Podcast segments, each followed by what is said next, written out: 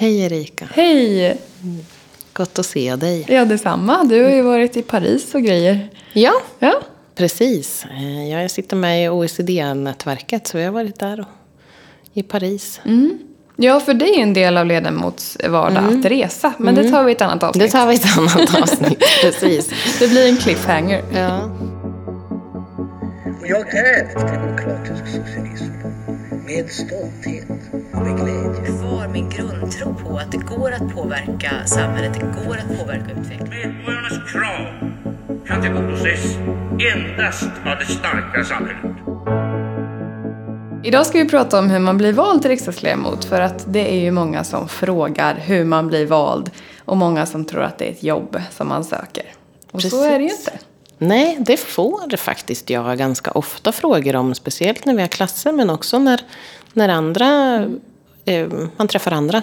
Det är ju vad har du gått för utbildning för att bli politiker?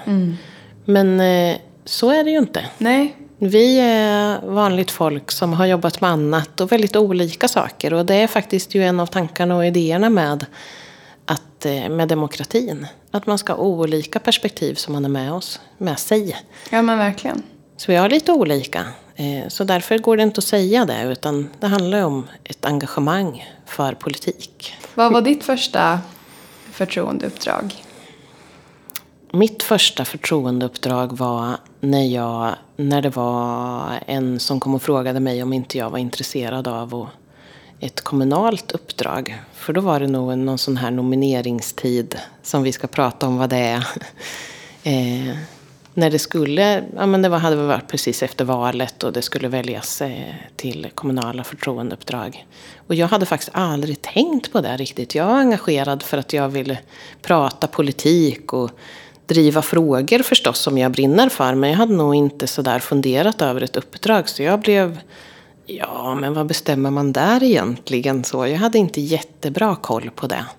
Det här måste ha varit, jag tror 20 1998 faktiskt. Men då var jag ute. Då, sen så var jag bara där i ett halvår för sen flyttade jag utomlands. Så att det blev inte så långt då. Men då fick jag ändå en kort insikt i hur det kunde vara att ha ett, ett förtroendeuppdrag. För Och det var första fick- gången. Ja. och jag fick mitt första 2014 när jag kom in i kommunfullmäktige. Och det var ju också väldigt oklart vad det innebar. För det var tyvärr inte så många som riktigt berättade det. Och jag tror att en del har fördomen om att ett kommunuppdrag också alltid är ett heltidsuppdrag. Och så är det ju inte heller. Utan eh, där jag hamnade det var i kommunfullmäktige och i ett utskott och i kommunstyrelsen. Och det innebar ungefär tre till fyra möten i månaden. Liksom. Eh, och det är väl lite samma för dig när du hamnar i nämnden och i kommunfullmäktige kanske. Att det också var två, tre, fyra möten i månaden. För att man är ju fritidspolitiker då.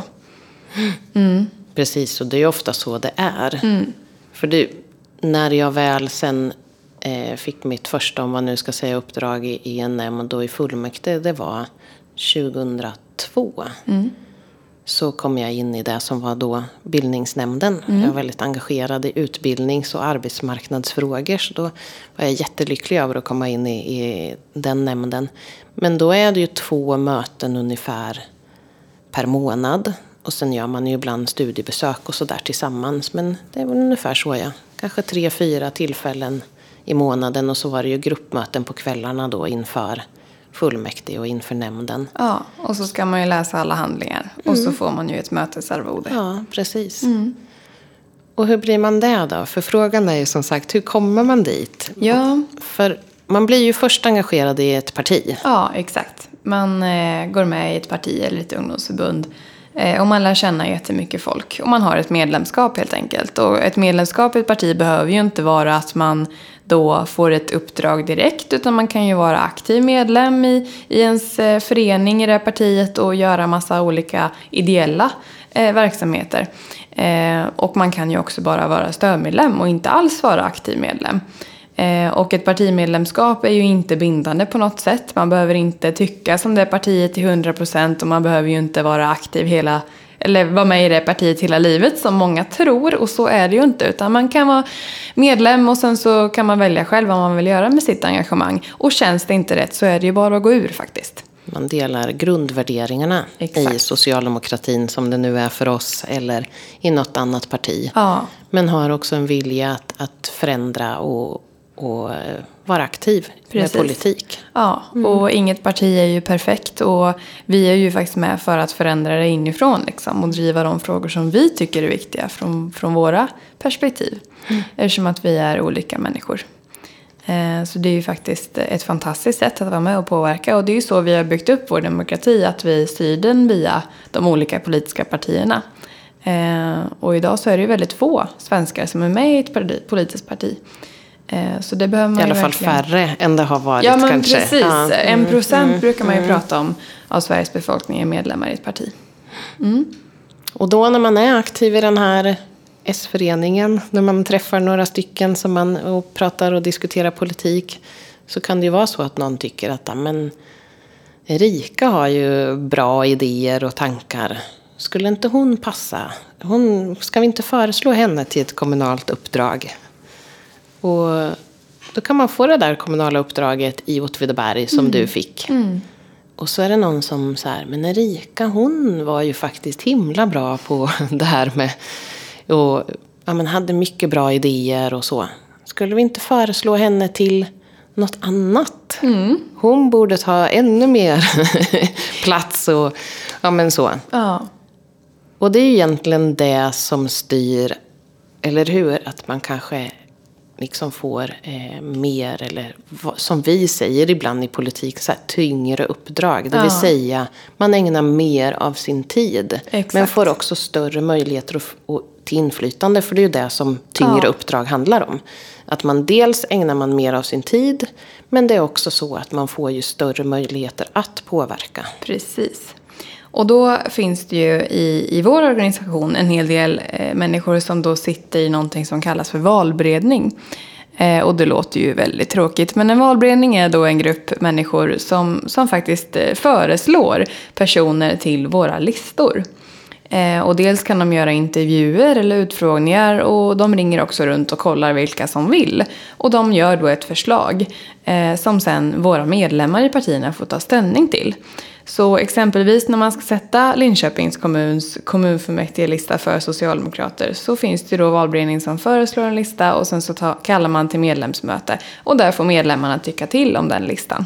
Eh, och sen när man har spikat den, då skickas den ju till Valmyndigheten. Och det är då alla våra invånare i den kommunen kan gå och rösta. Och så funkar det ju med regionlistan, alltså landstinget och även riksdagen. Mm. Och då kan det vara så att om man står till exempel på om valberedningen som då har gjort en sammanvägning, då lyssnar ju de på vad de olika kommunerna så har tyckt och att man har kanske gjort sina intervjuer och så här. Så har de föreslagit att någon ska stå på plats tre på den här listan. Då kan det ju vara så att det är några som tycker att nej, men valberedningen har inte gjort ett riktigt. Vi behöver ha någon som är ung eller någon... Vi, behöver, vi tycker att den här personen istället ska stå på plats tre. Och då kan det ju hända att medlemmarna på den kongress som bestämmer det får eh, mest röster. Och då är det inte valberedningens ursprungliga lista som är den som gäller utan då har medlemmarna röstat på något annat. Exakt. Så det är så det kan gå till. Ja. Så det är medlemmarna som väljer vilka medlemmar som ska stå på listorna.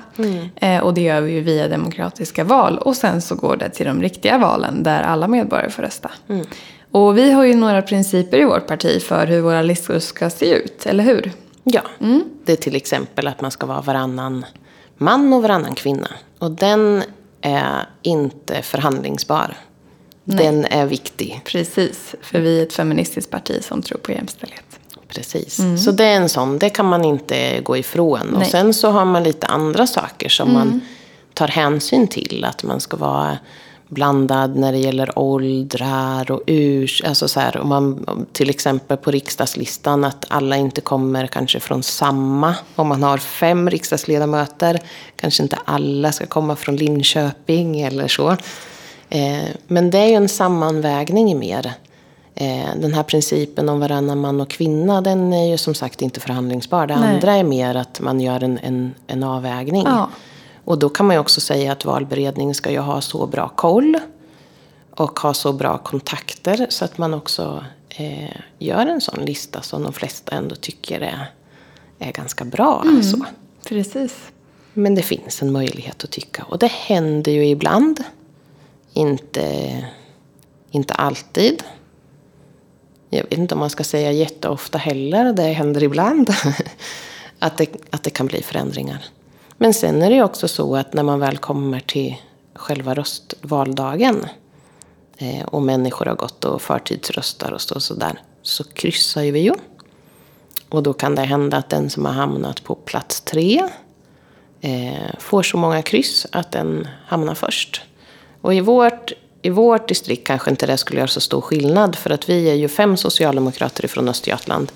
Så om någon som står på plats tre blir kryssad till plats nummer ett så spel, gör ju inte det någon jättestor skillnad i, då kommer de in. Och det puttar inte undan så att säga någon annan. Men om det till exempel är så att det är ett mindre distrikt eller om någon från, som står på plats 9-10 blir nummer ett, då blir det ju en förskjutning Precis. ner. Ja. Och då är det ju så att av alla de personröster man får så måste man få 5% av de personrösterna för att kunna kryssa sig uppåt på listan. Eh, Så även om jag får mer kryss än dig Eva, fast jag står längre ner på listan så kommer inte jag per automatik över dig. Utan det gör jag ju bara om jag får mer än 5% av alla personröster. Mm. Så det finns lite regler kring det här.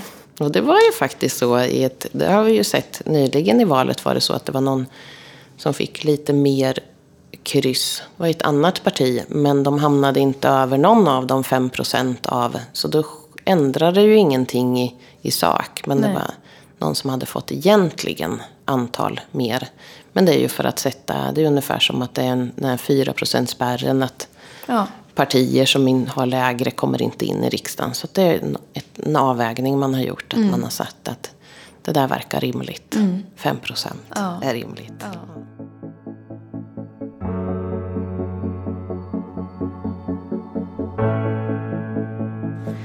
så vart fjärde år kan, år kan man alltså ha chans att komma in i våra eh, förtroendevalda församlingar. Eh, men det kan ju också bli så att man blir vald till ersättare och då kan man ju faktiskt komma in under mandatperiodens gång. Och det är ju lite där jag har hamnat. Precis. för att som du sa så fick ju vi fem platser för Socialdemokraterna i Östergötland in till riksdagen. Eh, och där vi då hade fem namn som var på de fem översta platserna varav du var nummer fyra, eller hur? Ja. Eh, och jag stod på plats nummer sex så jag kom ju inte in. Men jag sitter ju här nu och det är för att jag vikarierar för Teresa som stod på plats två i nio månader. Så det är ju väldigt roligt. Så även om man inte kommer in på valdagen så kan man ju faktiskt komma in senare. Eh, och vi har ju också det systemet att om någon av er fem skulle hoppa av eller någon annan anledning inte kan vara riksdagsledamot så kommer ju våra ersättare in också. Och då finns det ju en turordning för det. Och den är ju väldigt tydlig. Mm. För det är ju en del så här, hur gör ni då? Har ni ett nytt val eller så där? Men det är just därför som vi har ju ganska många namn på vår riksdagslista. Och det är ju av det här skälet, bland annat. Att man ska kunna sådär att om någonting så, då vet man att efter plats fem kommer plats sex. Och det är Rika som står där. Mm. Ja, och vill inte jag så blir det nummer sju. Precis. Ja. Och vill inte den Nej, så, blir det så går det alltså så. så att det, det finns en väldigt tydlig... Där bör man inte göra någonting oavsett vad som händer under mandatperioden. Eh, så det är ju väldigt... Och det är likadant är det ju i kommunfullmäktige. Där har man också en sån lista. Så om någon slutar, då flyttar man bara upp. Utan då blir det precis likadant. Eh, däremot om det är någon från en nämnd till exempel i en kommun, då har man inte en lista på samma sätt. Så där behöver man göra ett nytt valberedningsarbete. Valberedningen behöver jobba igen. Ja, och, Och då se- gör man ett fyllnadsval. Precis. Men på alla de här fullmäktige, regionfullmäktige, riksdags i riksdagen, som ju också är en typ av fullmäktige på det nationella planet, och på kommunfullmäktige så har man sådana listor. Och då är de inlämnade till Valmyndigheten och de kan man inte gå förbi utan det är de som man håller sig till. Så det är ju på ett sätt ganska, det gör det ju hela lätt. Ja. Men sen är det också så att om du skulle tacka nej då försvinner du ur den listan för nästa gång kommer inte du på frågan. Är det så det Jaha, det visste inte jag. Nej, det visste Spännande. inte jag heller innan.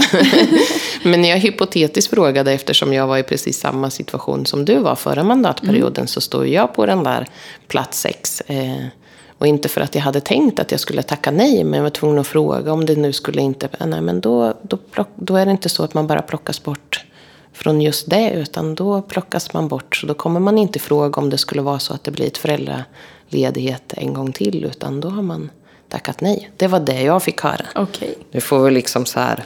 Jag har inte läst det någonstans, men jag Nej, tror jag ställde nå- någon frågan det. faktiskt Ja. till, till någon som var på, som jobbade med de frågorna. Så att jag tror ändå att jag kan förlita mig på att det stämmer. Ja. Bra att veta. Mm, det är bra att veta. Men vi kan ju också säga att partierna har ju lite olika sätt. Och i vårt parti tyckte jag att det var väldigt bra för att då hade man bjudit in alla som, eh, som kandiderade till en riksdagsplats. Och så fick eh, medlemmarna komma och lyssna på intervjuerna med oss och ställa frågor. Dels tror jag att vi fick hålla någon sån här allmänt berätta om oss själva. Ja, det fick vi göra. Och sen fick man sitta, gå runt vid olika bord och så fick medlemmarna ställa frågor och sådär. Men även valberedningen då. De satt ju med och lyssnade. Valberedningen var med vid varje bord. Så att de lyssnade och då utifrån det de hade alla an, all annan information och intervjuer och alla frågor som de hade ställt på annat sätt. Så tog de ju också del av det som hände under den här dagen. Och om, vi kunde, om de tyckte att man kunde svara bra på frågorna och sådär.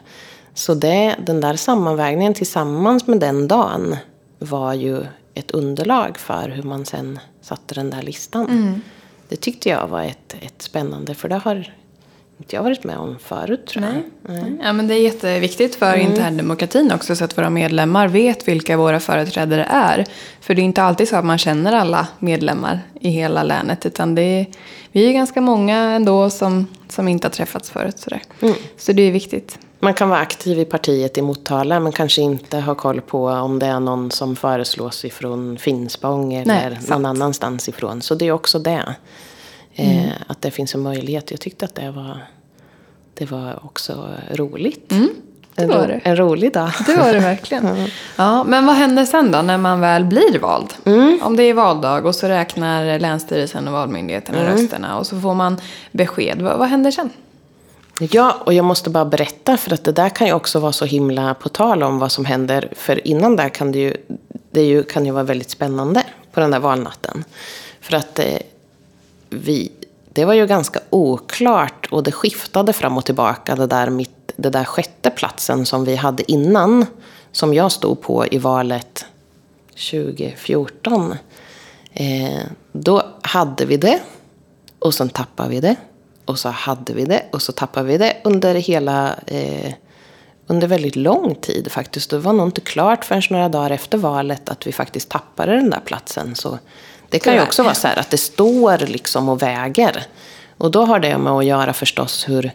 Eh, för då när valnatten är, då har man ju räknat färdigt. Men det handlar ju om att man ska fördela de där 349 platserna. Då är det inte bara, utan det handlar om att om något... Eh, dels handlar det om att vi ska få våra platser. Men sen är det också sån här fördelat mellan vem som ska få i olika län. Det är jättekomplicerat, jag förstår det inte riktigt.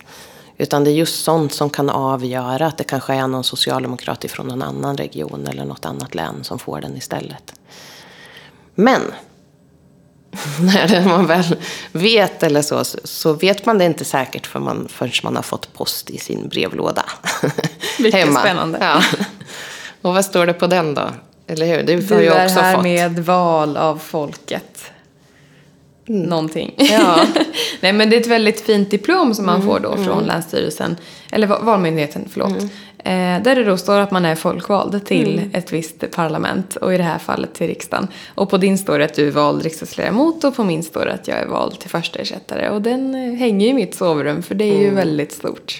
Det är ju förstås ett jättestort förtroende och en ära. Och ett stort ansvar förstås, men det är väldigt fint. Eh, och jag tror att det där blir så symboliskt. Man får det hem i sin brevlåda också. Det är inte bara någonting som man... Det, det blir så verkligt när man ser det också. Så att det är så, då vet man. Och så, då blir man ju... Och, och när man kommer in, när själva mandatperioden är, då går ju det där ganska fort fort också. Och det var ganska kort emellan. Nu visste ju du, eh, det är inte alltid det är så, men du visste ju att Teresa skulle vara föräldraledig. Så, så du hade på ett ungefär i alla fall när du skulle komma in. Ja. Men när det, gäller, när det är på själva valdagen, då, dels kan det ju ta tid att räkna rösterna. Och det gjorde det i det här fallet. I det här valet så, så dröjde det ju. Jag minns faktiskt inte riktigt nu, men det dröjde en, en tid. Och jag hade ju mitt vanliga jobb. Och jag visste inte riktigt om jag hade kommit in, för det kunde ju vara så att någon kryssades förbi och kryssen räknas ju sist. Även om man vet så först blir det ju klart hur många mandat man har. Så vet man det. Då visste vi att vi fick fem, men då kan det ju ändå vara så att det är människor som kan kryssa sig förbi. Så helt säkert vet man ju inte. Eh, så då var det lite så här svårt. När, ska man, när blir det tillräckligt klart för att jag måste säga att men nu ska jag faktiskt inte, jag ska sluta och jobba här om en vecka. Så snabbt blev det ju. Så man hade ju någon slags aning om att det kanske, men man vågade inte heller ta ut det sådär. Så det är ganska snabbt mellan valet eh, och till eh, den så kallade inställelsen, det vill säga att man måste, där man ska vara på plats och börja och tjänstgöra som, som riksdagsledamot. Och då kommer man hit och blir välkomnad. Ja, Av vår fantastiska förvaltning som hjälper till med allting. Ja.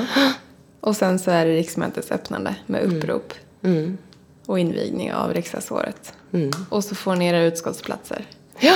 Och så är veckorna igång. Och det ska vi prata om en annan gång, tänker, eller hur? För det kan vara intressant det där med, med utskotten och utskottsarbetet och allting sådär. Ja. Men det är nästan en fråga för sig. Ja men det är det. Ja, Precis som våra resor och sånt. Där. ja precis. Vad gör vi? Ja. Ja. Men är det något mer som vi har glömt att prata om? Nej men man kan väl sammanfatta det som så att vem som helst kan bli riksdagsledamot. För att eh, det är också många som frågar, ja men det du sa i början om man behöver en viss utbildning eller så. Och det är ju inte det, utan man kan faktiskt bli det, vem man än är i hela vårt avlånga land. Och det är det som är så fantastiskt. Och vi har ju riksdagsledamöter från alla län. Det län med minst ledamöter är ju Gotland som har två.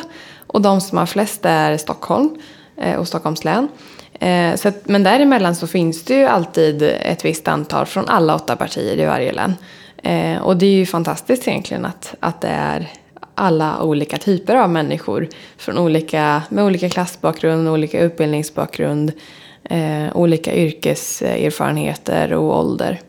Eh, och det är ju ja, det är ju en grundbult i den svenska demokratin att vi har byggt upp vårt system på det här sättet. Och partierna fungerar ju lite olika faktiskt. För att det är ju de som själva avgör men sådär, vem det är man vill sätta upp på den där listan och sådär.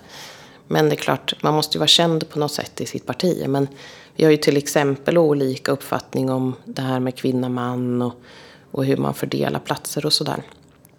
Så att helt, helt koll har ju inte vi riktigt på hur de andra gör. Men vi har koll på ungefär hur det fungerar och, och också bäst hur det fungerar i vårt parti. Det. Men det är ju, tycker jag också, så himla fantastiskt just att vi är så olika. Från olika hörn av Sverige, delar av Sverige, och också med olika bakgrund. Eh, så. Mm, och det är det som är tanken, att våra 349 ledamöter ska spegla Sveriges befolkning. Eh, och för att få in allas perspektiv i den beslutande församlingen som faktiskt stiftar våra lagar. Eh, så det är också en viktig aspekt att vi inte bara väljer in stockholmare som är företags i 50-årsåldern utan vi behöver ju verkligen människor från, från alla olika typer av bakgrunder. Och som det inte var i början av riksdagens era när det bara satt män. som precis. också var i en viss ålder. För eh, jag är övertygad om att det där påverkar också besluten och vilka, vilka frågor som är viktiga. Ja, ja, då satt man i två olika kammare beroende på vilken klass eh, man tillhörde. Men idag sitter alla i samma kammare. Det är ju fantastiskt. Verkligen. Vad kul att du är här Erika. Ja, det är jätteroligt. Jättekul verkligen. Men min tid är ju snart slut tyvärr. ja, Ja, det, och då blir jag student igen och Då det är blir- ju också väldigt Ja. roligt. det är roligt. Ja, Då kommer Teresa tillbaka från föräldraledigheten och det är också roligt. ja såklart. Ja, men du. Ska vi känna att vi har pratat färdigt om det här? Eller vad, har Ja. vi något mer som vi ska säga? Eller vad? Nej, vi eh, kanske ska tacka våra följare för att ni skickar in förslag på ämnen. Det är jättetacksamt. Det är så roligt. Ja, för det här var ju en fråga vi fick, eller dels av många besökare vi tar emot och av våra vänner.